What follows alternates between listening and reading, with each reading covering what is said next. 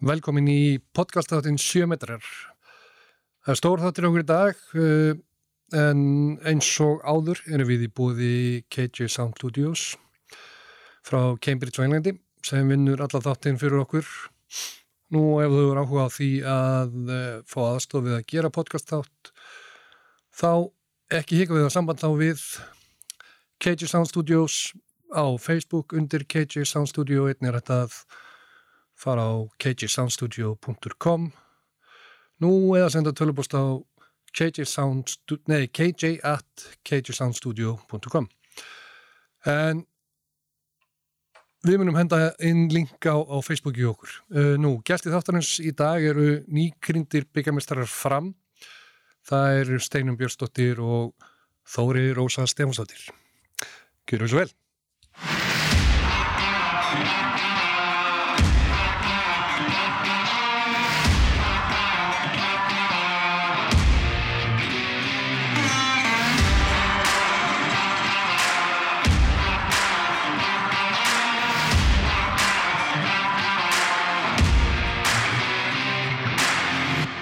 Herðu, við erum velkomnar. Við erum með Steinunni og Vá, Þórei. Takk fyrir. Þetta var liðlega. Já. Þetta byrja bara nýtt. nei, nei. en já, velkomnir, nýkrindi byggamestrar. Takk fyrir. Hvernig er að ná sér svona niður eftir svona helgi? Það gengur bara ágætlega með Stefán sem þjálfara held ég. Já, já, við tókum bara léttan fótbolta í dag og bara aðeins svona hittast og hafa smá gaman og, og höfðum náttúrulega líka gaman á lögadaginn og við erum bara nákvæmlega í örðinu og svo byrja bara alveg almennilega á morgun. Og smá bíla, hérna, sölu spjall í dag. Já, Stefa. Já, með landkrúsir og Já, Jarisin sín. Ég var nú alltaf eftir að sjá hana Jaris, ég veit hvort þetta satt eða ekki. Nei, ég... það var kannski bara öfugt. Já, með Þú ætti svolítið erfitt, hérna, eiginlega manni fannst þú vega svolítið erfitt með að tjáði eftir, eftir þá sögu þarna inn á blaðamannahundi. Já, ég, ég held að það sé ekki fyrst skiptið sem ég er orðlega eftir að hlusta á hann, sko. Já, og skeit líka aðeins á sig, sko. Já, það er heldur ekki nýtt. Nei, hérna, ég, ég, eins og ég talaði um, ég fekk smá svona deja vu að því að maður upplifir ótrúlega oft svona eitthvað, svona moment með hann og það, sem maður, það er nokkur sekundur, jafnvel mínúti til þess að átta því hvað hann er að meina með þessu, sko. Það kemur samt með reynslunum, Já, sko. ekki Maður það. fer að venjast í svona hvernig maður brest við og svona læri inn á það nú en að, að ruggli manni Mhm. og, og svoleiðis. Svo líka finnum við eins og æfingum þegar hann er í eitthvað svona gríni að hvað selfostelpunar sem eru svona nýjar og svona potjar svona, er, að- hann er að grína stelpur bara veist að það er stundum bara er það rétt? Ha, já, En svona svo við förum aðeins í uh, undirbúning fyrir svona helgi eins og Final Four. Uh, hvað er búið að vera svona langar aðdraðandi fyrir ykkur að undirbúa ykkur fyrir þetta og þetta er náttúrulega stórkostlegt handbólta ævintýri sem að fór í gangina í byrjun síðustu viku. En hvað er ykkar undirbúningu langur fyrir svona törn? Við náttúrulega áttum leik á laugardeginum á móti val í deildinni. Þannig að uh, við, þú veist, einbyttum ykkur raunlega bara á deildinni og fórum ekkert að einbytta okkur að byggarnum fyrir um, á móndeginum, sko. Þannig að það er bara þrýr dagar eða tveir dagar og svo bara Final Four. Það var svolítið þannig núna, sko, Mhm. að þetta, spil, eða, veist, þetta var bara lagt hann upp að við, hérna, en það kom ekki að sög. Nei, Ég held að sé bara, þú veist, auðvitað var blöskraman svona fyrst þegar maður sá þetta, bara svona okkur fyrir að spila valöðdeginum og svo aftur á miðgudeginum, Mhm. þú veist, maður vill Alltaf dreifið þessum, já, þú veist, maður vill alltaf dreifið þessum leikjum, þessum stóru leikjum yfir, yfir tímbili. En ég held samt að svona eftir að hafa bara verið jákvætt að það var bara svona stutt á milli, þú veist, oft ómikil undirbúningu getur bara svona einhvern veginn farið í hausuna leikmunum og byrja ofugsa hlutina þú veist, við vorum bara ferskar og, og, mættum bara á miðgudeginum, sko. Já, Það fór ekkert á milli mála. nei. Nei, Við tókum góðan góða, góða kvöldmatt saman á, á hérna, á kuklingur og hérna, það er alltaf bjökja í byggavíkunni. Já. á mánudeginum og svo bara videofund og, og æfingu og svo var það bara fulla ferð. Mm Ég fullferð það, ég meina, betur hvernig fór, hvernig endaði valsleikur? Það endaði með 11, nei 10, nei hvað var það? Ég er alltaf alveg skelvilega með svona 20 úrslit. já. 23, 17. Ég man að þeir er skoru, sko. ég man að þeir skoru Unnum. fimmörk í, fyrra áleik. 11-5 í hálfleik. Já, það gerist ekki oft, þannig að maður ma man það. En Nei. hérna, lokúslitin, ég hef ekki hugmynd hvernig það endaði, sko. Hann fór Googlaði það bara. 23, 17. Takk að þér. 23-17. Já. Ó, ég held að þeim skora meira. Nei, ok. En það voru náttúrulega margir sem töluðu um það að þetta væri náttúrulega bara úslitaleikurinn um byggarinn. Uh, hvernig, skilur við, þeir búin að taka val í undanúslitum hvernig sé hann að mótivera sig fyrir næsta leik þegar allir eru búin að tala um þetta svona eru þið að horfa á þetta þannig líka eða? Sko, það er ótrúlega skrítið að því maður, þú veist, fjölskyldavinir og vinnufélagar og allir, þú veist, allir hafa óbúslega sterkar skoðanir á þú veist, því sem maður er að gera sem er bara frábært og bara, Gaman. Bara algjörlega, bara skemmtilegt. En þú veist, maður þarf alveg þú veist, þetta er alveg svona tveir, maður svona hoppar á milli þess að vera bara svona leikmaðurinn, þú veist, fram, steinun í framskiluru og vera bara svona, ok, nei, þú veist, þetta er þetta ekkit úslita leikun í undurúslitum, þú veist, maður, en svo líka fer maður sem utanakomandi aðli og horfur á þetta og þá skilur maður auðvitað alveg hvernig fólk er að, af hverju fólk talar um þetta svona, þú veist, þetta var fyrirfram náttúrulega bara þannilega úrslita leikur en, en eins og allir vita skilur sem leikmenn hafa verið í handbólta og íþróttum og svona, þú veist, vita að það getur allt gæst í byggar og þú veist, eins og sást kannski bara á leiknum á mig, að, veist, úr, úrslita leiknum, þú veist, á móti káða þór, þá vorum við bara skítrættar, þú veist, við vorum bara starra nýja, bara vera all in og við vorum það Mhm. og Ég veist raunin þessi vik að vera ótrúlega mikið bara að snúast um andlegan undirbúning. mm Bæði eftir að hafa unni val í deildin og lögadegi og þurfa að koma í leik á miðugudegi sem að, þú veist, bara ná spennustíðinu réttu fyrir þann leik og síðan að í rauninni uh, einbeta sér þannig með að við alla umræðu sem var í gangi um að við værum bara, þú veist, fólk að fara að taka í höndun á manni fyrir sko káða þórleikin sem ég náttúrulega húðskamaði sko fyrir að gera en þau hérna voru bara neður óskamanni til hamingi með byggamestatitlin bara eftir valsleikin sko. Þannig að þetta var svona rosa mikið andlegur undirbúningur Mhm. frekar en nokkuð tíman taktískur eða líkamlegur fannst mér. Algjörlega, algjörlega. En náttúrulega þið spilið við val á lögadeginum og vinnið þær. Uh, sem vitið þið annar leik við þær á miðvikudeginum að ekki? Og þið vitið það náttúrulega þeir eru nýbúin að vinna þær þær koma brjálæðir í þannig Mhm. það er náttúrulega líka ákveður svona að ná sér inn í einhvern svona gýr fyrir það. Það er alltaf erfitt sko. því að þeir eru náttúrulega búin að gefa þeim bara olí og eldin hjá þeim og fara við ætlum ekki að fara að tapa tveim leikjum í röð sko. mm Já, sem gerist náttúrulega að þú sér það að Káa Þór spila við Hauka á lögadaginn og já, það var tvöfald þannig já, Mhm. en þetta, er- þetta er náttúrulega ég held að það var aldrei gerst stöður. þetta var ótrúlegt hvernig þetta hérna ræðaðist upp. Einmitt þá voru allir um þetta að tala um svona aðdraðanda, þú veist, lögadagsleiknum bara svona allir ekki gefa þennan, þú veist, svo þau eigi möguleika á þú því það er einmitt alltaf þannig, skilur að þú skiptast á að vinna. það En er eitthvað tölfræði segir það myndi ég halda Mhm. með það að held ég líka hafi verið svona ekstra mótiveringa því við vissum af þessari tölfræði og þessari umræði að við bara mættum bara ótrúlega sterkar til leiks og ég veikinn alveg að, veist, fyrstu mínunar og all, alla mínunar í leiknum var ég náttúrulega ótrúlega þú veist, maður er óbærslega smeykur auðvitað að vita valsleik, maður ber mjög mikla veringu fyrir þeim og við áttum bara mjög erfiðleikum með þeim í, í síðasta vetur og fyrstu mínutuna þegar við, eða mínutuna við áttum bara með að skora mm. Þú veist, Íris að verja og bara stemningu þeim og eitthvað svona leis og ég hugsa með mér bara svona, shit, við erum aftur að fara, þú veist tapa fyrir þeim en ég kom stóra leik sem skipti máli. Skilur, þannig var bara tímbil okkar í fyrra. Og maður er ótrúlega fljótur að fara í þá hugsun. En svo finnum maður einhvern veginn hvað þessi töp í fyrra hafa gert mann að svo miklu sterkari leikmanni. Þú veist, það eru töpin að mínum að þetta gera mig að sterkari leikmanni heldur en einhvern nokk sem einhver titlar eða sigrar sko. þannig að maður finnur að maður er einhvern veginn svona það er eitthvað svona inn í manni sem, að, sem er, það er meira dræf sko. Mm. en náttúrulega þessi leikur á móti val það er náttúrulega ekki skoran um að fimm mörg á fyrstu 11 mínútonum þannig að hann fer, hann fer svona frekar rólega á staðin því náttúrulega skorið fyrstu fjög, fjögur á móti einu þar Mm. en, en að þær skul ekki skora nema fimm mörg í fyrraháleik er náttúrulega frekar svona súrt þeir eru náttúrulega með topp varnarleik í leiknum og þeir eru búin að spila náttúrulega bara frábæran leik í vetur varnarlega og sóknarlega að mótiveringin ykkar fyrir við erum nú búin að tala um það í þessum þætti að við ætlum bara að reyna að hætta að tala um þetta framlið. Svo fáum við ekkert um að framara í já, svo Já, er- en, en það, það virðist bara að vera þannig að þið, þið bara keirið yfir alla leikmenn, all, all, öll lið sem þið fáið mót ykkur og það skiptir engu máli hvað er þarna til staðar sko. við gerum náttúrulega ekki annað en að hlaupa á æfingum þannig að og þetta skilir sér eitthvað í leik. En hérna, við náttúrulega bara spilum frábæra verðni í þessum leik. Við, hérna, ég held að við höfum aldrei náða að smetla svona vel eins og þessum leik. Og Hafdís fylgdi svo sannlega með fyrir aftan og svo Katri þegar hún kom inn á. Já, hún er náttúrulega með sko, hún er með hátt í 60% markvæsli í leiknum móti val sko, sem er náttúrulega bara fáránlegt sko. hún dettur í svaka gýr þegar hún dettur í gýr fáralegt á móti landgrúsur Já. litli Jærisinn litli jærilin það er náttúrulega er ótrúlega að vera, geta tala lið eins og fram niður á móti einhverjum mannstæðing.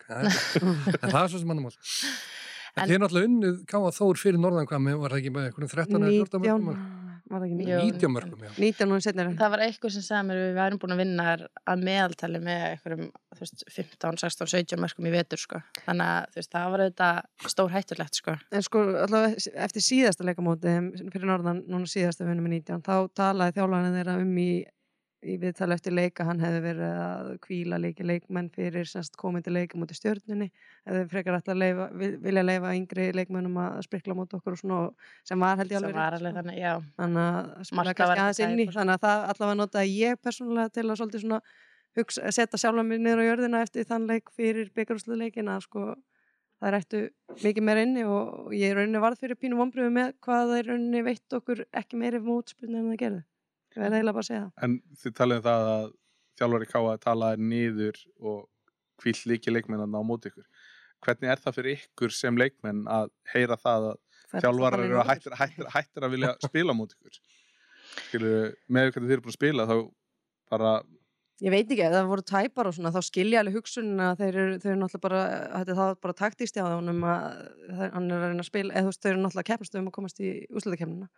Vinna réttuleikinu. Já, en auðvitað, að ég veit ekki. Já, fyrir mér ekkert mér sko, ég er enda vissi ekki að þessar umræðu fyrir hana að þú bara hana Já, einmitt, já Og svo en- talaði, já, svo heyrði ég einni úr stjórnunni og hún talaði um að þetta hefði gæst tvisar. Já, já, já, akkurat. En fyrir mér veginn, maður er svo ótrúlega, ef ég tala aftur um þess að tapleiki, Mm. hérna, maður er svo ótrúlega sári yfir síðasta tímbili að við skulum hafa tapað fyrir þeim fyrir norðan sem að kosta okkur, þú veist, að miklu leiti bara fyrra og ég horfa á káastelpunan sem bara óbúslega miklu ógn. Ég veit að það er skrítið að hugsa til þess, þú veist, að verandi búin að vinna svona stórt í vetur, Mhm. en ég var alveg skítrætt við þetta lið. Já, ég er alltaf hrættu fyrir. Já, maður er ennþá með bara þetta, þessu óbúslega, þetta óbræði munnunum eftir agrarferðina og, og minn. tvær og varst heima á ég var Ælandi. já hérna, en hérna þessi einu sem ég fór en hérna bara flugfærin heim og allt þetta, þú veist, þetta var hræðilegt og þú veist, já þannig að fyrir mér, ég var bara hérna skítrætt við, við þetta lið, sko Sama hér. Skemmtild að heyra samt hérna, þú talar um að þú lærir af tapleikjum. Mér finnst þetta, mér finnst þetta vantar svolítið mikið í umræðinu því að, því að þetta er svo horrið þér mm -hmm. og þú lærir alltaf miklu meira af mistökunum og af öllu því sem að gerist. Þannig að mér finnst þetta, þetta geggjað að heyra þetta. Já, ég held að þetta sé svona þú veist, einhvern veginn nú er maður svona að vera aðeins eldri og þroskaðri og horfa tilbaka, sem maður getur allir að byrja að horfa tilbaka því maður er eldast. En hérna, og það er klálega bæði þú veist, bara áfullin þú veist, hérna, og miðslinn og þessi tapleikir sem að gera manna þeirri manneski sem maður er. Og, og svo er bara þú veist, náttúrulega líka auðvitað æðislegt að vinna titla og allt svoleiðis en, en klálega það sem styrkir mann eru þessi áfull og, og, og mistök og, og töpinn sko. Og hvað ætla hún að margir ungi leikmenn hlusta já, Já. Þær eru líka grimmar við sig hérna nokkru liðin. Ég get reyndar ekki sagst vera á þeim báti en þær eru grimmar sko. Það er horfa á leikin alveg aftur og horfa á einn mistök og hvað mjög, það, já, það eru nokkra hérna sem eru mjög svona duglegar að gera það. það er náttúrulega líka bara fyrir leikmenn að það voru orðið aðgengi að upptökum af leikjum bara komnar til ykkar bara strax daginn eftir bara í öll ykkar tæki, hvort sem það er símarnir eða annað, því að við vitum það því að við, við erum náttúrulega að fáum þetta allt til okkar líka, Mm. þannig að við erum að fá upptökur af leikjónum miklu fyrr heldur en áður fyrir, það er ekki verið að sita og klippa þetta og síðan kannski 5-6 stöðum setna er það að fá eitthvað í hendurnar sko. Mm eins og þetta var kannski fyrir 8-9-10 árum síðan sko.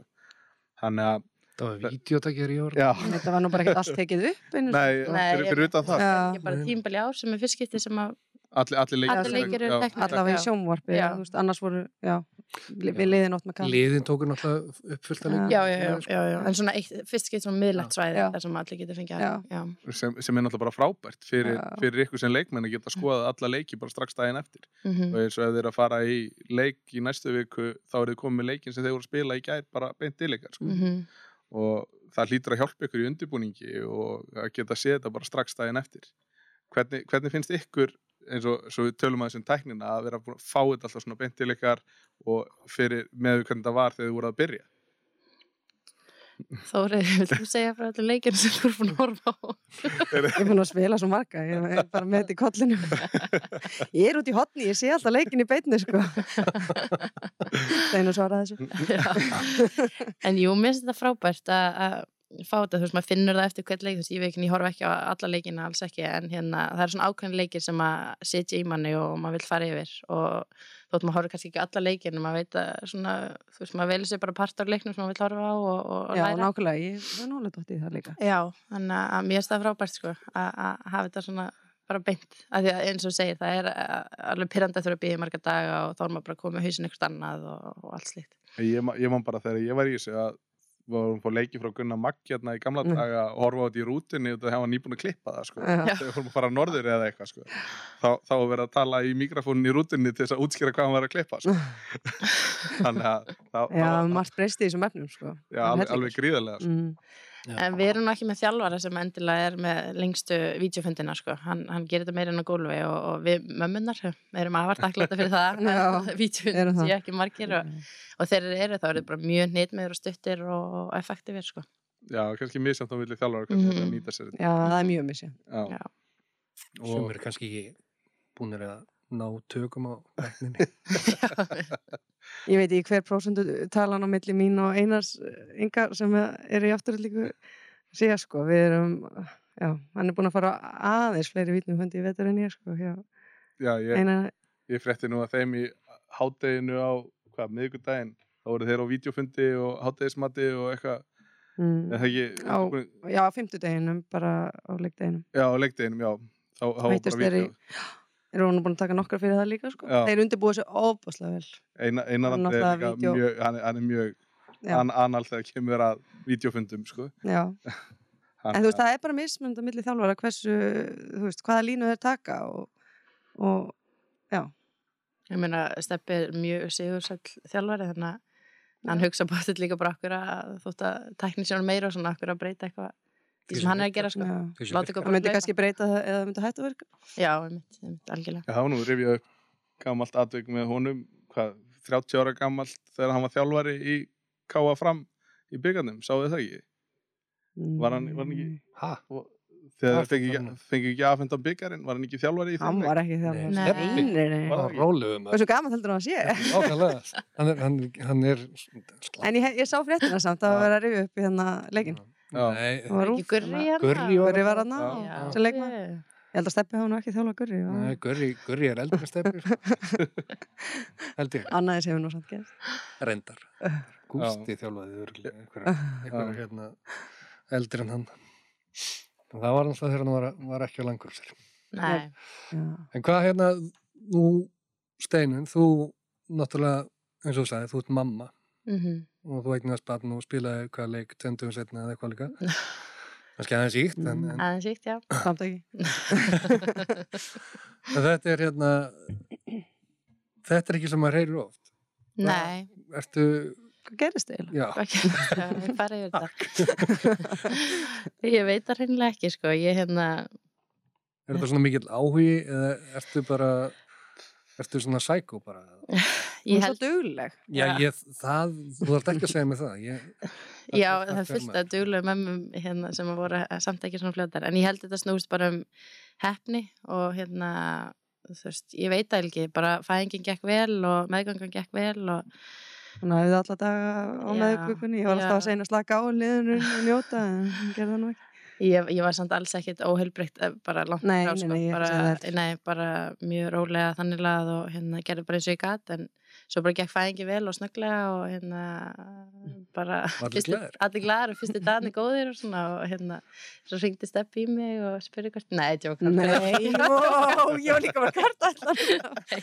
það er tjók nei, ég hérna, svo var bara gott jólafrið hérna fljótlega eftir og ég náði að jafna með hérna okkur nokkur dögum og Já. svo bara var, byrja að sakna þeirra strax og vildi kíkja til þeirra fór bara hægt að stað og hérna það bara gekk vel Hægt á stað. Ég- eða þú veist, þegar ég byrjaði það fór ég hægt að stað ekki, eða Nei, nei, þú varst með alla æfinguna þegar þú byrjar. ekki Sorry. bara með smá dummindi bara svo fysik í mig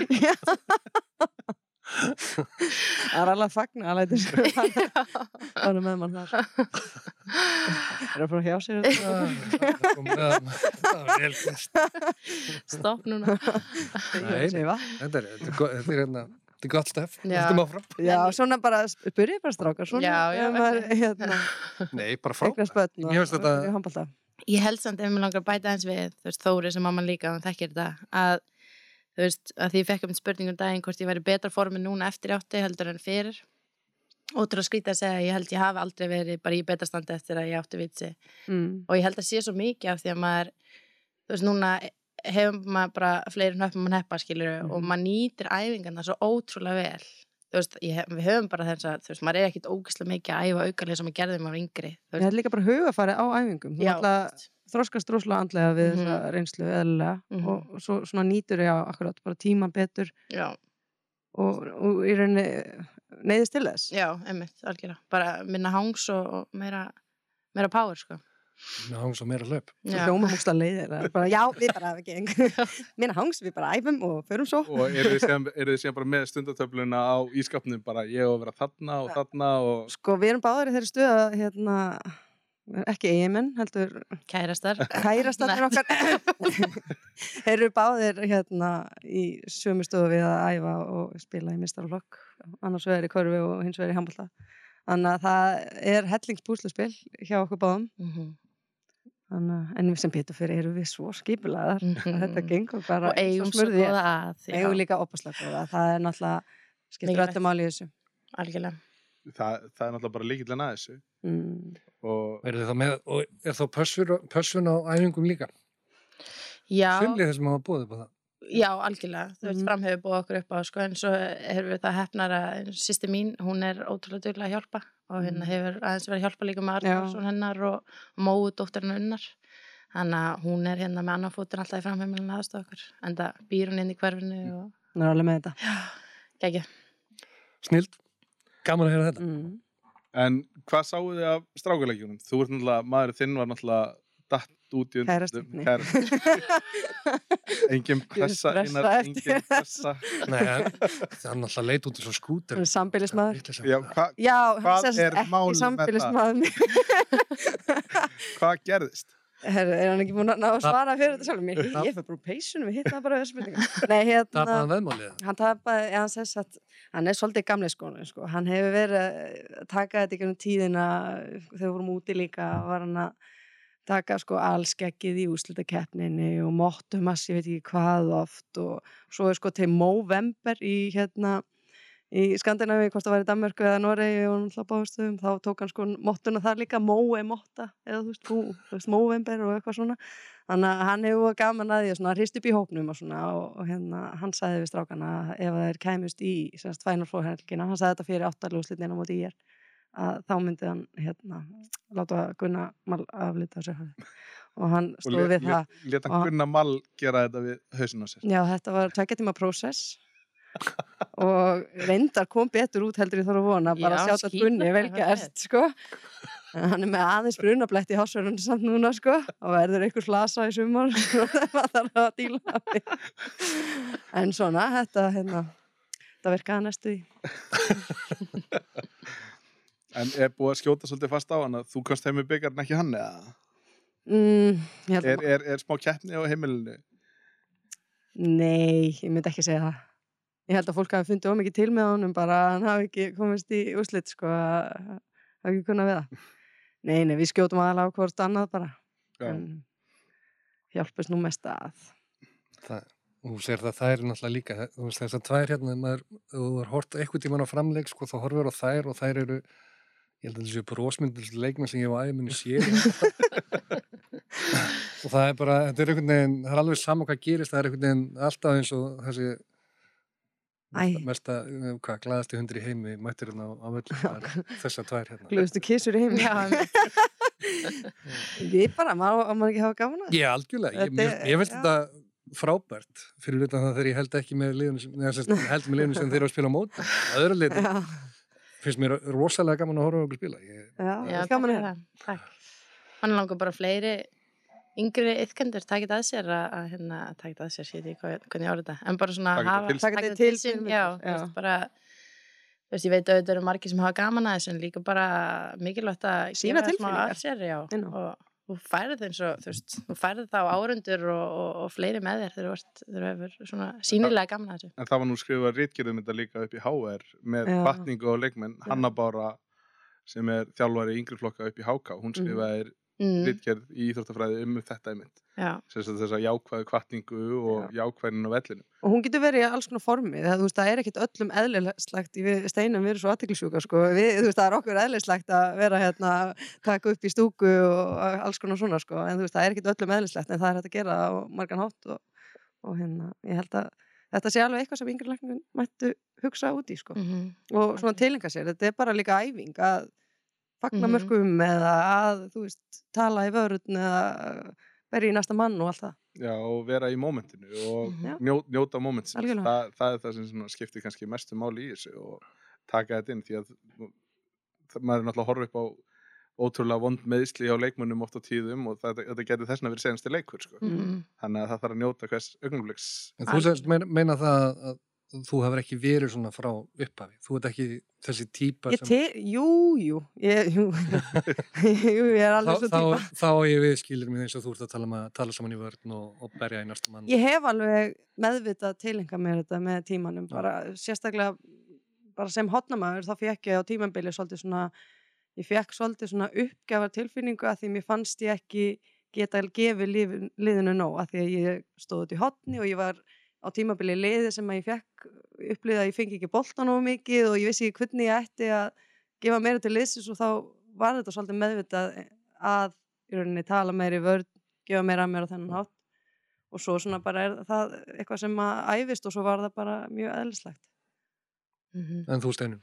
Já, ég, ég hef alveg stundu pælt í þessu af hverju, af hverju maður er eins og maður er en hérna, en hérna ég held að hafi verið, þú veist, ég glýmdi við mikil axlarmeðsli og, og fór í nokkra aðgerð og svona og átti eftir með að spila sókn og, og var að koma tilbaka eftir að hafa búið erlendis og svona. Þannig að ég pælti í, þú veist, bara hvernig get ég verið partur af liðinu, hvernig get ég verið mikilvæg leikmaður og, og, gefið til liðsins og, þú veist, þetta var ein leið, bara vera talandi, þú veist, spila góða vörn og hafa gaman að þessu og þú veist, vera þannig orðið mikilvæg leikmaður í liðinu. Og ég tilengaði mér þetta bara mjög, mjög fljótt sko. En hérna svo bara var þetta einmitt bara eðlislegt og, og þá fann maður maður var þannig bara mikilvæg partur í liðinu og, og þjálfara og leikmaður vildi hafa mann inn á og, og hérna Þetta er líka svolítið það sem að þú veist, hefur einkent íslensk lið og svo við tölum um landslið og svona sem hafa náð árangri þá er það þetta svona spirit sem að verðist oft fylgja Já. Íslandingum sko og allstað sem ég var, ég var í Hollandi, Þískalandi, Danmörk og Noregi þá var allstað sagt sko að væri allir að hafa einn Íslanding í liðinu sko.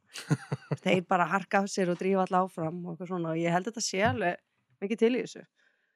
Akkurat, svo fann maður líka bara sjálfur hvað þetta gaf manni, manni sjálfum, þú veist, bara persónlega, þú veist, að, að koma á æfingar og bara hafa gaman, þú veist, ég veit að mann alltaf mannlegur skilu, þetta er ekkit alltaf þannig og öllum æfingum bara gegja gaman og þú veist, allir brosandi, en, en svona að mestu maður reynir það og maður reynir þá líka bara að blokkera neikvað, neikvæðni skiluru og bara, hérna, að því að maður sjálfur inn í end vil bara hafa gaman og að njóta þess, þú veist, maður er í burtu frá dóttur sinni og fjölskyldu og, og þú veist, ég vil ekki nota orðið kannski fórna en þú veist, maður er að, þetta er tími skiluru og að sjálfsög vil maður það lappa út í framheimilinu og, og geta hugsa bara, þetta var allavega gaman, Mhm. skiluru, Já. þú þú, kemur heim, hvað, 2010 segir? Nei. 2009 flytt ég heim, já, bí, Þú, þú byrjaðir ekkit, þú spilaðir ekkit sóknarleik mjög mikið hérna nei, alls í ekki, rauninni sko. í, í upp, eftir að komast heim. Nei, ég, ég fóð strax að glíma við bara mjög erfið axlameðsli og hérna átti mjög erfitt með bara að skjóta marki og svona og hérna, svo var ég bara ekkert góð bara reynskilega, sko, þú veist, ég var bara alls, alls engin skita, sko, en hérna Þannig ég fór bara að vinna í hlutum sem að ég hafi stjórna og, og, gati eins og ég talaði maðan, þú veist, hvernig gati ég orðið mikilvæg leikmæður, þú veist, ég náttúrulega efði í yngri flokkunum með Karan og Stellu og öllum þeim stelpum sem að voru svo þegar ég kom tilbaka, þetta út í fjögur og kem tilbaka og þær eru bara landsinskonur og konur náttúrulega miklu, miklu, miklu lengur en ég, þannig að ég pældi að liði hvernig, þú veist, á ég eitthvað sjans að ná þeim eitthvað tíman, skilur ég, þú veist, þótt að þær voru líka alltaf betur ég var yngri, en hérna, þá er mitt bara, fór ég að tilengja mér þessar hluti sem ég hafði stjórna og fór að vinna í bara, þú veist, komin í form, bara gott form, þú veist, það geta allir hlaupið, skilur þú veist, maður getur mjög skoður í því, en ég fór bara að, að æfa aukarlega og, og vinna í þeim hlutum sem að, sem ég vissi geta unni og, og gæti þannig orðið eitthvað leikmaður sem Einar Jóns hefði áhuga að hafa mig í. Og hérna, og það bara, þú veist, tókst, ég man mómentið þegar Einar Jóns hérna, þú veist, sagði mér ég ætti kannski möguleika að fá sæti í landsliðinu, þú veist, ég, ég trúði ég vallar, sko, þú veist, með þau meðsli og þau, þú veist, já, þau meðsli sem ég hafa búin að vera í, þannig að ég fann að ég var að uppskera bara, þú veist, ég vikinalli, ég æfði mjög mikið og æfði mjög mikið aukarlega og þú veist, ég ger ekkert allir í dag en ég finn að maður býr en það að því að hafa verið svona yngri leikmaður sem var bara alltaf fullu og nýtti tíma, þú veist, þegar ég var ekki að spila og tvölið á æfingum og ég var ekki að spila þá sat ég ekki að horfa á, þú veist, þá var ég bara í planka eða ég var að gera eitthvað æfingar eða, þú veist, vinnum milli tvekja keilna eða, þú veist, ég ætlaði mig bara að komast í lið og, og reyna að ná þessum leikmannum sem ég, eh, hérna, æði eins og með. Það er náttúrulega klárlega búið að skila sér í dag. Þú ert náttúrulega búin að vera allra besti leikmann í deildinni í vetur og örgulega að mikilvægir hlekkjum í þessari framvörð sem er búin að skila öllum þessum skilur sigurum í vetur og þessi varnarleikur og svo er líka ótrúlega gaman að fylgjast með því. Þú rosalega markagráðu, þú hleypur, reynir að vera alltaf fremst og skorar mikið úr hraðarplöfum líka. Mm Og það sýndi sig eins og til dæmis móti káa, hvað, ég veit ekki hvað það voru mörg hraðarplöfum sem þú skorar og örgulega fjögur, fjögur eða fimm. -hmm. Þannig að Já, ég er náttúrulega, þú veist, á setni tíð var ég línumæður, línukona, hvernig sem maður vil segja það, hérna eftir að Elisabeth Gunnarsdóttir var ólétt og hérna ég man að steppi hringdi í mig og spurði mig hvort að ég hafði áhuga að vera á línunni og veist, ég kerði næst í út af, þú veist, ég man hvað ég var að keira, sko, ég bara, þú veist, ég kerði næst inn í smárlindana bara, bara hvað er þetta að meina, en hérna, og svo bara tók ég því verkefni, en ég, þú veist, ég held að sé ekki margir línumenn sem að vera kostnið mikilvægsta leikmenn og besti leikmenn, þú veist, það er líka bara því að ég er að spila með svo frábæra leikmennum þú veist, ég er að spila með leikmennum sem að spila mjög vel upp á mig og, og, og hérna þú veist, ég væri ekkert á þeim stað í dag nema að ég væri að spila með svona liði. Og ég get ekki hugsað mér að spila með neinum öðrum en ég er að gera í dag sem að dæla inn á mig og, og hérna, spila á mig. En svo sínar líka hversu mikilvæg vörnin er sko, snýst ekki alltaf með skora mörg Ég er líka nú rosa vel setta með leikmenn það er náttúrulega verið svo háðar útilegin í rauninni Við tvær. Bæði línumenn Mhm. og hodnamenn já, svo keppist við maður inn á ræðlöfnu Ræðlöfnum, já Fyrir stundum inn í svæði hjá hver annari og þá ekki er lætur breytt, hina Dóri. Já, komin á breytt að er Ég heyrði það nefnilega að hérna, þú, í fáskipti sem þú ert fúl æfingum, er það sérstaklega að það væri hlaupaæfing og þú fengir ekki að hlaupa með hóttamenninu. já það var Ragnir að Já, varstu þannig að ragnið núna Reyndar er þetta ekki frá Ragnir. Nú, Nú. það ljómaði þannig hérna. Þetta er frá, ég, Já. ég hef þetta annars stað frá. Ég hef þetta líka frá Ragnir. Já, ok, ok, ok. Já, ég er ekki einum þetta, sko. Nei, nei, Nei, en maður, eins og ég var að tala um maður, maður vill bara fá, þú veist, það mesta út í hverja æfingu og maður hefur bara þannig tíma að, að, hérna, ég er ekki mikill morgun veist, ég er kannski ekki eitthvað massi bíamannska. En þú veist, maður nýtir bara, vill bara nýta tíma sem maður hefur, þetta setnipartin með hérna á æfingum og, og fá eins mikið út í því og maður getur og þetta getur verið pyrrandi þegar að vera eitthvað svona róla æfing fyrir leik og og þú veist, mér vantar bara eitthvað útrás í hvað þetta er, Já. þú veist, það er bara Steinu þar svolítið fulla ferð sko Já, pínu, en hérna þú veist, hann er það bara ég veit ekki hverju svona Það er bara. Bara, já. En hvað hérna, hvernig finnst ykkur nú hérna umfjöllun um milli kalla og hvernig? Hvernig finnst ykkur það vera í? Úf, Að þróast. á? Já, Já, að fara ég- Já, já, að, skilur, þetta, er- er þörf umræða, við þurfum Ég- að fá þetta á Já, algjörlega. Ég fagnar þessu umræðu eða þú veist, ég vil klála við hérna ræðum hana sem oftast hérna og, hérna þetta er náttúrulega eftir því sem að verður þú veist ég upplega allan eftir því sem að verður svona þú veist, leikmaður og fyrir að vinna titla og þú veist þá bara svona fer maður að sjá og ég er alls ekki að segja að maður þurfa að vinna titla og vera eitthvað svolítið til þess að sjá, sjá hana mér bara fyrir mig persónulega. Mhm. þá sér maður svo óbúslega mikið ósangirni í umfyllunni þú veist, við erum að gera því að við erum til dæmis giftar báðar, nei, vá, við erum ekki. Það er naumast Vorum við ekki að ræða það? Þau málur í það margt búið að breytast inn á svona fjóra-fimm mínútum, en ok.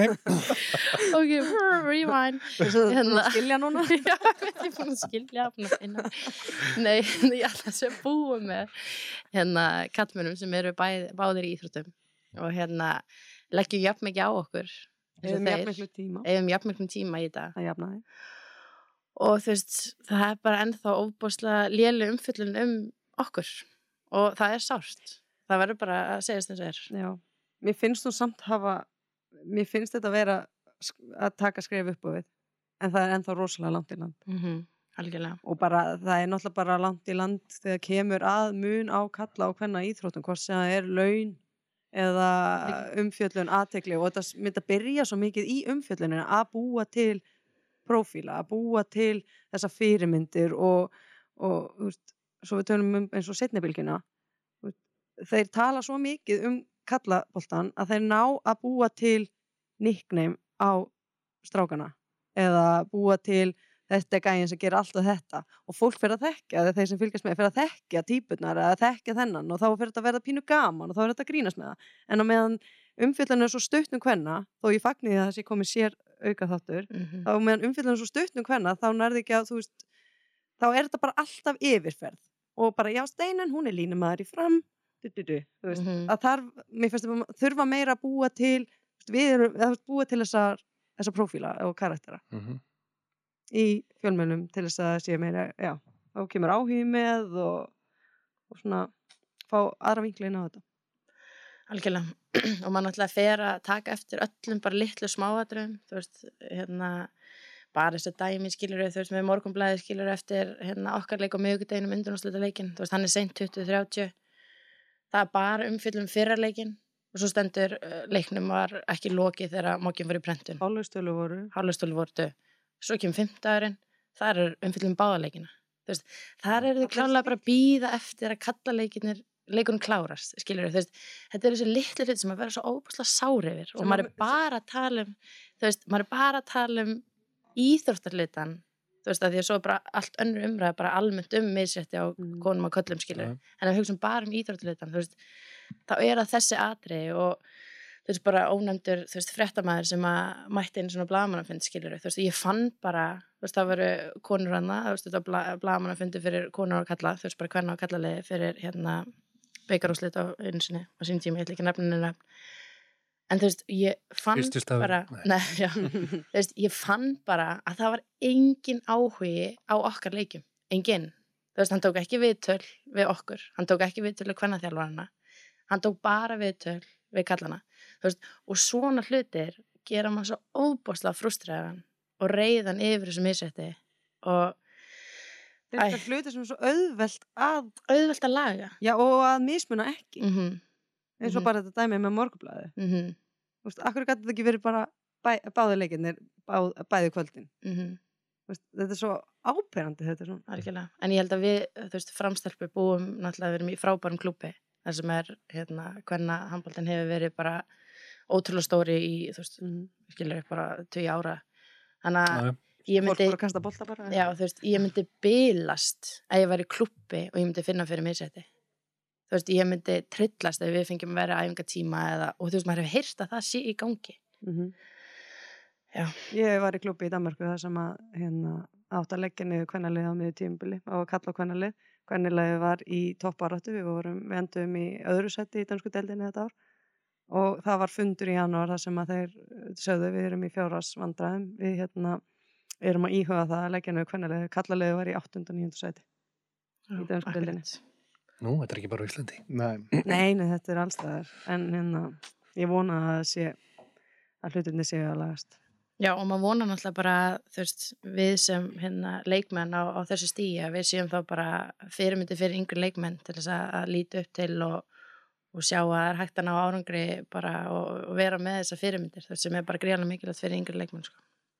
en nú er líka gaman að sjá eins og á byggarústildaleikin að stúkan var rosalega þjætt setin frammi. Mm það var, var bara magnað að sjá það. Hún var eiginlega bara full öðrum einn í höllinni. Þannig erfiðara fyrir norðamenn að koma og fylla helmingin á höllinni en en mér langar samt að stemning. Þau voru með stemningu og, og sko kvöttu sitt lið áfram fram á síðustu mínútu Já. bara, bara briljant að horfa sko. -hmm. og líka gaman að vera í höllinni og upplifa þetta sko. Það, var, það var bara magnað að fylgjast með þessu og líka káastelpunar að fögnuðu hverju einasta marki eins og það væri tíu Mhm. markum yfir sko. Mm já. hann að og eins og Var að segja Ká og Þó. Káa Þór Já, ég sagði káa í viðtali. Já. Oh, sorry, káa Þór. en eins og, eins og Ástíð sagði fyrir leikin að skilur þær eru að fara þarna fyrsta sinn í úrslitaleik og þær eru eftir að lifa á þessu og læra Mhm. helling á þessu er, það er náttúrulega heil, heilmikið reynsla sem þær eru að fá út mm Mhm. því að spila úrslitaleik sko. já, makkilega því að spila úrslitaleik er ekkert eins og spila venjulega leik sko. Nei.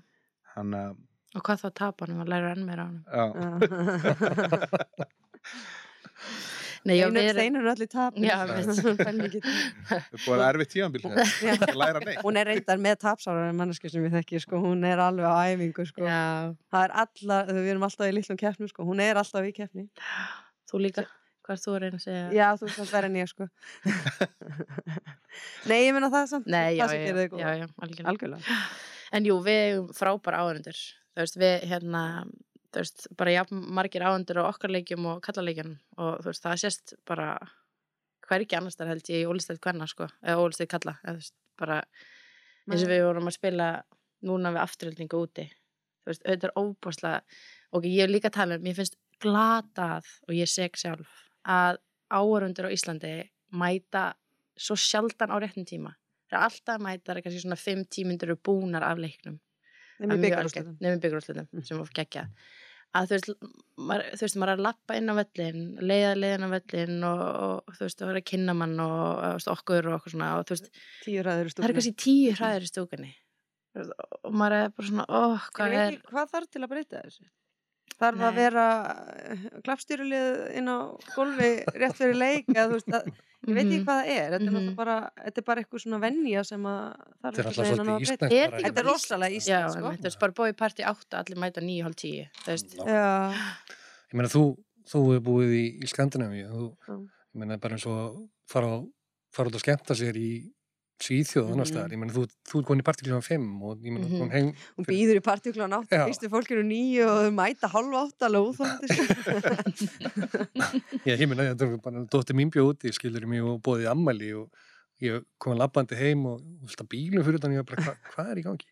Svo bara klukkan eitt, þá bara allir út úr bílunum, bam, bam, bam, Já, konni ammæli.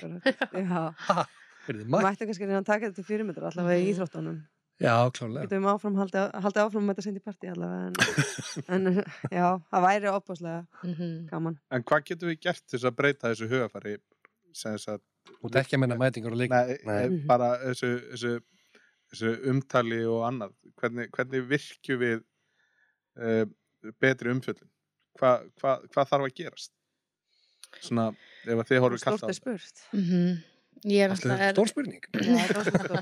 Þú ert að tala um breyta, þú veist, að auka umræðin um hvernig handbóltan, og, og fá fólk til þess að sína áhuga Ég bara hvenna íþróttir. Ég bara yfir Mhm. höfuð, hvort það er handbólti, fótbólti, frjálsar, sund Við montum okkur því að við fjöllum um hvenna handbóltan eins mikið og við fjöllum um kalla handbóltan og sem er bara rós. reynum, það. Mhm. En, en já, bara svona Sko, Það er oft talað um sko áhugin sé bara miklu meira á kalla, handból, eða kalla íþróttir og þess vegna er þetta svona. En einhvers það byrjar áhugin mhm, og eins og ég sagði á hann, ég er svona velti fyrir mig hvort það sé ekki hægt að svona búa til fleiri sterkar fyrirmynda auðvitað er til nöfn hvenna íþróttanöfn sem að allir þekka og bara eins og þú veist crossfit-stelpunar og mhm. alltaf svona hvort það sé ekki hægt að svona, En sko, ég, ég þetta sko. ekki þetta eitthvað meiri áhuga á kalla handbóltanum en hvernig handbóltanum, þú veist, eða meiri peningur eða eitthvað svo Þetta snýst um, veist, þetta snýst um það að um leið ef að fjölmiðlar myndi sína okkur meiri áhuga, þá verður meiri áhuga í þjóðfélaginu. Þú veist, það er bara þannig. Og, þú veist, eins og ég, ég Og dótt. Já, einmitt, þú veist, það fyrir fólk að þekkja mann og þú veist, sjá mann, þú veist, einmitt í fréttum og þú veist, á okkur með auðlýsingaskiltum eða eitthvað og þú veist, þá er bara miklu skemmtilega að koma og að mínu mati tel ég að, þú veist, grundvöldun er að fjölmiðlar sína okkur meira áhuga Mhm. fagna ykkur umræðu, bara þú veist, meiri umræða skilur, þess vegna vill maður sjálfur eins, þú veist tímum manns er auðlind skilur veginn að reyna hérna, en, en að koma í við til eins og þetta skilur þú veist bara öll umræði góð og, og við konur þurfum líka bara aðeins að, fara út fyrir okkar hérna þændrama og bara að, tala meira um okkur Mhm. og, og vera bara stoltari af okkar framistu og því sem við erum að gera og standa bara okkar og kannski ekki með stundum líka umræðan fari það að fara einhverjum silkihönskum um hvenna mm. Og sem að gera hana þá minna spennandi og krassandi. Þú veist, ég er ekki að segja að ég hérna rakka okkur niður og segja þessir á hásin og þessir á feit og þessir á ljótu og eitthvað henni, alls ekki sko. En að þú veist við e- verðum að vera svolítið bara svona stoltar á okkar og hafa sjálfströst og þ- þola umræðina Mm líka.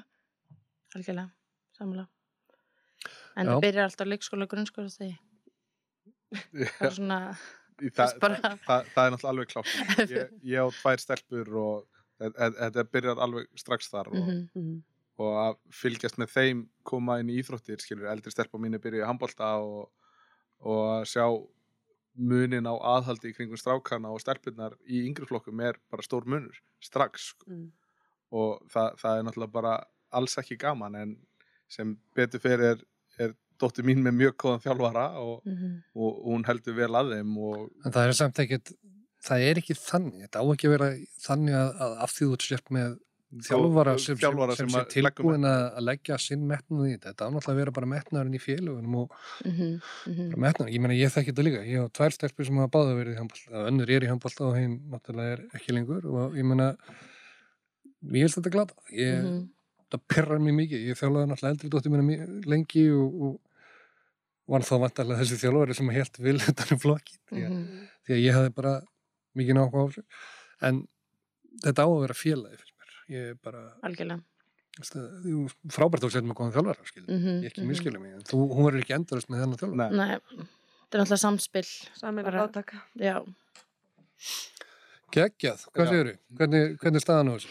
eh, við þurfum náttúrulega aðeins að ræða líka um kallaboltan hvað er kallaball? en, en þeir voru náttúrulega líka að spila þarna og IBF endaði náttúrulega sem byggameistari uh, þeir, þeir náttúrulega þetta, þetta var stórkvæslega leikur, ég veit ekki hvort þið horfðu á þann þið voru kannski of- upptekna við að fagna. Já, við vorum, ja, við horfum á stóra hluta fyrir áleiks og já Ég, ég reyndar, já, ég var að býða Já. til Dominus pizza þarna, ég var svolítið svöng. Já, ég reyndar mistaði ykkur um fimm mínúna kaffi.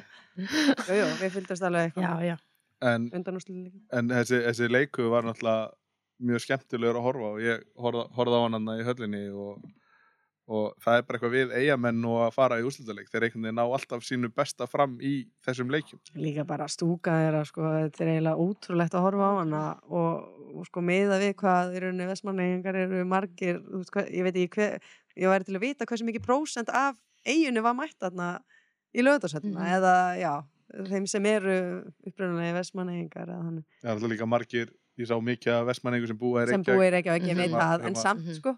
en það, Það það, er- eru bara rútuferðir úr eigin já, já, það var náttúrulega bara búið upp á, upp á fríaferðir og Mm. herjólfur herjólfur sem sagt eh, þeir sem að bókuðu rútuferðir eh, það var frýtt í herjólf fyrir þá þannig að það er allir sem að leggjast á eitt og. Það þetta er er náttúrulega-. Ég er náttúrulega talandi það að, að það sem sagt með áhörðu frá Akureyri að hvað voru margir það en ég meina vestmanningin er sér, þeir voru náttúrulega bara geggjaðar þarna. Mhm. Já, maður náttúrulega öf, þú veist maður upplegir eins og bara svona við hafa unni skilur maður finnur, þú veist, ég er að labba á æfingar og það er eitthvað, eitthvað fólk átt að stjætt sem er skoðan til hamingju og svona ímynda er að þetta væri bara heilt Mm. bara samfélagi þarna, þú veist, bara öll eigin bara með þér í þessu, þú veist, sem væri geggjað Já. og þú veist, en ég það man- talaðir um það, þetta séu Já, allir saman En mér veist, maður að koma út úr klefanum, þú veist, að við vorum alltaf bara inn í okkar klefa að fagna og, og hérna panta dómin og svo eitthvað. Og svo hérna lappa maður hann fram, þú veist, ég á pístúkunni. Ég var í sjokki yfir bara hvíta hafinu sem var hann, sko. Þetta var rosalegu fjöldi sem ætti. Bara algjörlega frábært, sko. En þau, ég held líka samt á vestmannegingar, þeir sko, þeir stiðja vel við bakki á sínum fólki sko, eða sínu liði segja, og en ég held að þeir fá líka alveg að heyra það og það er stelpunar, ég hef nú heyrt það að þegar það gekk ekki vel hjá stelpunum í fyrra, þá Það eru fljóttir að hætta að mæta. Ég, nei, ekki fljóttur að hætta að mæta, heldur bara að þú ert látin heyra það út í Fær búð. bara að vita það. Já, Það er bara veit, gjössalega vita já, og getur hvergi farið að þess að sé einhver sem segja er bara, heyrðu, taktu þið nú á mér, það kom Er mér það samt óvart eins og ég vetur hvað hérna, þú veist, ég bjóst við einhvern veginn fleira fólki eins og leikjum í okkur út í eigin. Já, Þú veist, mér, það kom mér alveg óvart hvað voru fára því maður býst alltaf við að maður fyll eiga, þú veist, þetta er náttúrulega óbærslega erfir útvöllur og, og Mhm. hérna erfir kartarann í stúkunni, sko. Hérna, og maður bjóst veginn við að það er þið bara pakkað, en þú veist, það er náttúrulega bara því miður, rosalegur munur á fjöldar sem mætir á, á hvernig þar og það En en hefur samt ekki verið, þess að ég það, he- hefur ekki verið að bæta eins í bara núna eins og eftir áramótið. eða? Það hlýtur að vera. Jú, ég myndi alveg halda Ég það. held En mér að- hefur samt oft, það hefur komið mér óvart líka. Mm uh, munurinn að því að maður, þeir fyll alltaf stúkuna að kalla með henn en það hefur já, En það verður svona aðeins svona, í setna já ég ætla að segja mæta svolítið festinum bíl leitt er á bara setni eitthvað hálfleikinn er það grínast, þú veist, þú verður að kynna mann og þú veist, er svona, er þetta í alveg fjöldin innan sem er að mæta á stifi konuna, skilur Mm. og en svo þegar leikurinn er að klárast þá er aðeins búið að þjættast fólk kannski eður ekki hérna einum og hálfum tími í þetta frekar kannski bara 40 myndum eða eitthvað Já. og nóg að gera ég heim En nú fyrir að líða úslutakefni hjá ykkur og það er rétt að með ekki fjögurlið sem fari í úslutakefnina mm og eins og staðan er núna þá eru þið að horfa á að fá háká eins og staðan er í deildinu núna. Mhm. Það er náttúrulega búin að vera mjög góður í vettur og Búin að vera svolítið áföllum samt. já, það er nokkra búin að meðast og verður samt einhvern veginn bara styrkjast við það. Já, Þú veist, Já. það er bara alveg magna, magnaðar áhengar hjá hann en já, fyrir ekki já, við en- tökum þetta alltaf hvenna umræðu. gaman, gaman að því. En ég mitt horfði á leikin HK IPVF upp í kórendaginn og þar eiginlega bara var ótrúlegt hvað HK einhvern veginn kerði yfir þær. Mhm. bara á hraða og annað. Því að svona með við nú fór ég að fylgjast mjög vel með kvennaboltanum í vetur og kannski óða því sem ég er búin að gera undanfærin ára en frá því ég fylgdist með hún seinast að þá finnst mér eins og hraðin sé alltaf að verða meiri og meiri Mm. og miklu meiri snerpa í, í ykkur, í ykkar leik og annað að, að það, það er alveg magnað að sjá hvað þetta er orðin skemmtilegi leikir Mhm. og þe það er verið að skilur fyrir, fyrir augað og fyrir leikmann að setja upp í svona áhuga mann að setja þá er þetta bara hörkuspennandi leikir Mm. um, það með að 14 marka sigurinnir? já, Nei, ég er bara að segja skilur hvað það, það, það virðist bara vera meira hjá ykkur að þeir virðist vera meira í betra formi uh, leggja meira á okkur og annað og það, það er að skila sér í þessum skemmtilegu leikjum sem eru, eru bara umferð eftir umferð sko. Já, ég er sammála. Mér, við náttúrulega fögnum alltaf þegar lið keira með okkur. Já, Þú veist, okkur finnst það geggjað. Mhm. Uh, það er alveg ó, ótrúlega þreytt að mínum mati, hérna eins Já, alltaf ljós, en hérna að þeirra lið er alltaf að hæja og hérna, hann að við fögnum því þótt að lið kannski haldi stundum ekki alveg út með okkur. En hérna bara æðislegt og mér finnst eins og hákarlið, þú veist, við spilum við það núna hérna í hvað áttalöfslutum Já. Og þú veist, það er bara kerið á okkur endur, þú veist, það skoruðu náttúrulega fullt af mörgum á okkur, við vorum reynda að spila mjög lilla vörn í, í þeim leik. Mm. en, en bara frábært, þú veist, það er gaman að að vera í svona leikjum og, og fá lið, þú veist, bara fá fleiri leikmenn í góðu formi og, og hérna það verðist vera allan mjög gott starfandi hjá hákamennum, sko, hákakonum líka, líka bara gaman að sjá að það hafi verið að skora gríðarlega mikið úr sem sagt setnibilgju og hraðri miðju og annað þess að það og það sýnir bara að leikurinn er alltaf að verða hraðari og skemmtilegri sko. Algjörlega. hann að og ég- ma- skilur maður svona aðeins að veltaði fyrir sér en síðan er alltaf að vera að tala um hennan líkamlega styrk eins og til dæmis með landsliðin og annað. Nú eru þið báðar valdar í landsliði í dag. Uh, hver, hver er ykkar svona skoðun á því? Hvað þið, þið náttúrulega eru búin að spila mikið að leikjum við erlend aðeila, þú er búin að spila úti og annað, hver, hver er svona munurinn á milli íslensku deildarinnar eins og úti, þú kannski þú náttúrulega búin að upplifa það þarna úti? Um, það er náttúrulega, þetta er alveg rétt og enda er þetta alltaf uh, mikil umræði sérstaklega kringu landsleiki og svona hérna, líkamlega styrkur er eitthvað sem við þurfum að bæta. Uh, úti er já, það er sett miklu meira áhersla á liftingar og styrk enda meiri tími til að æfa, kannski meiri atvinnum allavega það sem að á þeim stöðum sem ég fór á það það eru náttúrulega bara fleiri góði leikmenn og, og meiri samkeppni þannig að það er svolítið erfitt að bera þetta saman sko. en já, ég fagn sko, það er samt ekki sko, að vera verður að geta verið hraður og sterkur sko. Finnst það samt oft gleymast veist, og þetta er ekki bara það að geta verið sterkur maður mann, þú ert líka að geta haldið snerpunni og hraðanum Mm -hmm. og, og já, En þú, þú hefur, nú hefur landslið ekki alveg, það hefur svolítið dalað, verið, hefur verið svolítið svona lagð í hvernig landsliðin síðustu, hvað, tvö, þrjú ár, cirka, ekki? Já, Eða lengra. sex. Já, Hvað, hérna-. Sjáuð þið eitthvað, allt steinun að kenna sjáuð, er það bara, er það, er það málið? bara lift Ég meina sjáuð þið eitthvað að það sé að, að fara að batna, verða betri, betri árangur, komast að Alveg stórmót? klálega, það er náttúrulega búið að vera þó svo við höfum verið í lag þá hefur verið unni gríðlega gott starf bæði með Axel og núna er Addi komin inn og við erum búin að leggja mikið á okkur þrátt fyrir að úslitin hafa ekki farið eins og við höfum viljað og þetta hefur verið þungur óður Mhm. þá hef, hefur vinnan verið til staðar og það kemur að því við munum uppskera við þurfum bara að halda áfram Og Það er-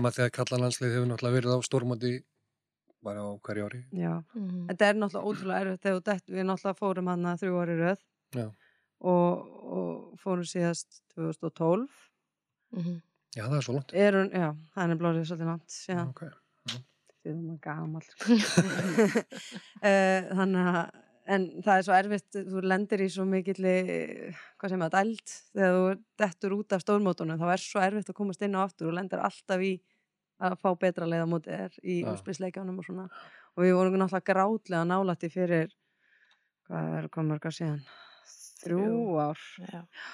Og vorum við sko, jafntefli, nei, að, það að Slovakia gerði jafntefli við frakka gerði það að verkum að við fórum ekki áfram á EM þannig að við, við höfum alveg verið grátlega Já. En hérna en, en eins og ég segi, lenda móti mjög sterkum anstæðingum undanfæri og róðurinn hefur verið þungur. En en þeir, það er vinnan er til staðar, það er búið að bæta mikið í hvað var að styrta þjálfum, það er búið að bæta mikið í hvað var að umgjörði kringu liðið. Já. Hópurinn er búin að vera tölvöld lengi saman núna og komið svolítið svona kjarn í hópin þetta voru náttúrulega mikil kynnslóðaskipti þarna.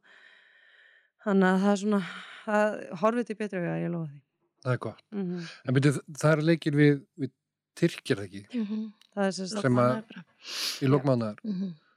kannski. Kannski heimi. kannski það er þá Tyrkir hérna heima á miðvikudegi og, Tyrkir úti á sunnudegi Já, ef veiran lofar Veiran og var. og svo eigum við þá frakka hérna, nei, Króatíu hérna heima og frakka úti í lokmæ. Og þetta eru umspilsleikir. Já, þetta eru umspilskepp- umspilsleikir í reyðlu um að komast á EM. Já. Við stöndum svolítið höllum fæti í þessum reyðli því miður að því að við töpum stort á móti Króatíu í haust og svo á móti frökkum þannig að það þurfa úslit að fara okkur í hag auk þess að við þurfum að klára Tyrki og Króata allavega. Já, krótaðinu heima. Já, en það, það er hérna, það er svona von sko og við Algjörlega. vinnum Það er alltaf von. Mhm. Svo byrja bara ný keppni í haust og það heldur áfram ef við komast ekki. Kekja. það það verður gaman að fylgjast með þessu. Þetta er hard work. Þetta er það. Já, við, við vitum það náttúrulega að, að þeir leggið á ykkur og þeir eru ekkert í ykkur þeir eru ekkert að grínast með þetta frekar en eitthvað annað því þetta er bara Nei, alls ekki og það er, nú eru, það er alveg nokk, nokkuð margar komnar farnar að spila úti líka. Það eru Mhm. sjö í þessum hópi sem eru úti. Sjö í þessum móti, akkurat. Og hérna, það er átján. komið, já. Það er komið með gríðlega reynslu og já, við bara keirum á þetta. þannig að þið sjáuð bjarta tíma framöndan eða Já, það er ekki annað hægt. Maður er að leggja á sig og, og vinna að þessu og eins og ég segi, við erum búin að vinna lengi með þennan kjarna og, og hérna og ég vil allavega setja þá pressu á okkur og, og að hérna við förum að ná í betri úslit. já, geggjað unga stelpur að koma upp líka Já, en samt unga stelpur sem að eru komna með reynslu og Já. ég vil sjá það líka hérna, Komnir út. komnar út margar andra sem er náttúrulega reyndar var fyrir því Ólan er að slíta krossbanduna en Já. það er svona leikmenn sem eru ungir en samt kannski úti og, Ungir er samt búin að vera með í kringum hópin og Mhm. öðlast fullt af reynslu alveg síðustu 2-3 ár. Já, og náttúrulega svo Lóvísa sem er Algjörlega. síjung en samt með óbúslega mikla reynslu Ótrúlega hvað hún eldist ekki hún er alltaf þessi unga hún er búin að vera þannig í hundra ár. Hann hún er- var náttúrulega ekstra ung þegar hún kemur inn inn Já, Já. röglega þessum Já, Hvað var hann ekki í tíundabæk þegar gróta verið Íslandsmestari? Já, Já. sko það er þessi umar Já, ekki í það Fleiri leikmenn eins og hana, Já, yngri leikmenn þeir sem eru í tíundabæk þetta ekki fara neðar, hann hefur verið tilbúinur í tíundabæk. Já, Já, akkurat Nei, nei, það, eru, það eru fullt af ungu stelpum að koma upp sem eru þess að, hvað að segja Lófisarendar er bara 99 Já, Mhm, Mhm, það er pælið því. Mhm. talandi um unga leikmenn. Já, En það sem ég hef svo geggja við, þú veist, og sem að mínu mati, þótt að ég kannski í vikinni, ég hef ekki náð að fylgjast kannski með öllum leikjunum í vetur og, og yngri leikjum og svona, en með leikmann eins og Lófisu, þú veist, maður sér veginn og vantar svo fleiri svona leikmann sem eru bara alltaf á fullu. Gefa alltaf Og, það já, og mér finnst svo skrítið að því að nú höfum við verið að fá, þú veist, mikið hérna rós fyrir framstöðun okkar í vetur og svona og, og bara, þú veist, þú veist, alltaf svo dugleg og keira allt tilbaka og keira fram og, þú veist, fyrir mér finnst mér þetta svo sjálfsagt. Þú veist, mér svo skrýta að við sem byrja að hrósa leikmennum fyrir að vera á fullu. Þú veist, mér fyrir að vera að gera það sem reyði að vera að gera. Já, þú veist, að mínum að þetta finnst mér bara að leikmenn er alltaf að kera tilbaka og alltaf að kera fram alltaf að skella sér að döðbólta en ég skil ekki hvert við erum að fara með viðmiði hvað þú veist að gera vel einhvern veginn. Þú veist, mér finnst ekki í lægi að leikmenn sjáu döðbólta og hugsa með sig, ég ætla ekki að skella mér á hann, ég ætla að skella mér á næst eða whatever. Eða þú veist, ég finn líka þú veist, þegar maður er að spila móti liðum og ég fað það er leifi sagt að býða ekki eftir frákasti eins og hodnamenn og, og fá að kera strax upp og bara leikmenn sem að svekja sig á kannski skot eða sendingu mm. og ætla svo að kera tilbaka.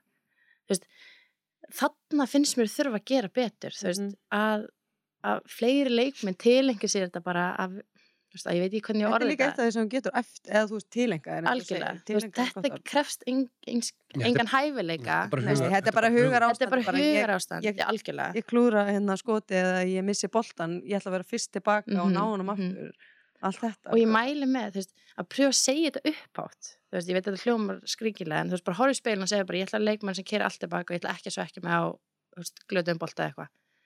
Þá, þú veist, byrja að tala um þetta við sjálfa þig og byrja að segja þetta upphátt. Þú veist, þá ferðu þau að gera þetta af því að þú ætlar ekki að vera manneskjan sem segist alltaf að gera eitthvað og gera það ekki. Mm. þannig að þú veist, mér finnst þetta svo vanta í yngri leikmenn stráka og stelpur og munurinn fyrir mér bara svona við tökum þetta mm -hmm. er það að ég horfði á dótti mín og hún spilaði í fyrra nei, heiti fyrra, fyrra þar sem hún klárar leik hún, hún, hún tekur bolta í vörð hún vin, vinnur í, það er jafnleikur hún vinnur boltan, semst, ver bolta varnarlega, fer upp, skora mark vinnur svo boltan aftur hún var ekki búin að eiga stórleik spilur Mhm. með fram að þessu Mhm. á þarna bara síðustu einu hálfmyndan, hún bara klára leik Mm -hmm. ef þetta hefur verið strákur hann hefur verið maður leiksins Mm -hmm. í hans sög Mhm. ég fór til henni, hvað sér, hvernig heldur þetta? Já, ég var svona alltaf leið. Já, Já, akkurat við erum- sko. Rosalega. Mhm. En, veist, mér finnst þetta frábær, frábær punktur og ég er algjörlega samanlega og þetta er eitthvað sem að, sem að krakkar þurfa að vinna í og eiga að vinna í. Og ég held að ungu stelpunna sem hafa með okkur hérna, njóti góðs af því þó við, við erum alveg oft svolítið harða við þar eða þær keiri ekki tilbaka og svona. Það er, við erum náttúrulega erum orðna deildamestarar í fyrstu deild fram Mhm. og þetta er Mhm. náttúrulega bara og það sem gera okkur góðar framleiði svo ég kom að því þá er það okkar stóri og góðu æfingahópur Mhm. við getum skipt í tvö góð lið á æfingum Já. og, og sko mjög oft og oftast er það skipt í bara ólís á móti grill sko Sérstaklega svona nærdröðu leik og hann er Já. að spila okkur saman og grilli það tekur oft upp á því að vinna okkur sko. Mhm. sem sýnir bara hversu já, góða þær eru og vel við búum að því að hérna, en þær náttúrulega eru búin að vera síðustu 2-3 árin að spila á móti okkur og með okkur og við að keira þær áfram og þær að keira okkur og svona og það held ég að sé bara líkil líkil atriðum í árangri framleiðsins hvort sem það er grilliðsins eða ólistækaliðsins Þessi jákvæða samkemni líka. mm -hmm. Að já, mér finnst allan að svona eftir að hafa, þú veist, bæði verið að spila móti leikmennum og þú veist, mér finnst ekkert meira, þú veist, auðvitað er ég náttúrulega móteriðar í leiknum en ég hugsa samt oft, þú veist, bara ó, þú, þú getur meira þú veist, þú hefði getað náð mér þú veist, ég á ekki eiga eitthvað þrjá metra á því en bara eftir nokkra, nokkra sek skiluru, bara, þú veist, þú er bara búin að vera að sekja þig, þú veist, og er svona svo pyrrandi svona hugafar að fleiri leikmenn einhvern veginn til sér tilengi sér þetta ekki. En þú veist, ég veit að kannski hljóma svona eins og þetta sé ekki eftir auðveld, þú veist, þetta er það ekkit endilega. Þú veist, þú þarft að stanslisa hugsmynd og pæla í þessu og þá kemur þetta einhvern veginn meira og meira náttúrulega. Og, og ég held einhvern veginn að þú veist, við getum stundum svona haldi einhvern veginn svona aðeins aftur á okkur þú veist, að setja ekki hendunar út og fagna eða þú veist, við veist vera eitthvað svona þú veist, að við hérna, þú veist, vonandi einhverja fyrirmyndir skilur að við þú veist, að við séum að leifa þessum yngri stelpum líka bara að geta verið bara þar sem þær vilja vera inn á vellinum veginn Mhm. og, og bara og muna það líka bara að gera allir mistök mm já, algjörlega bara fagna þeim veist.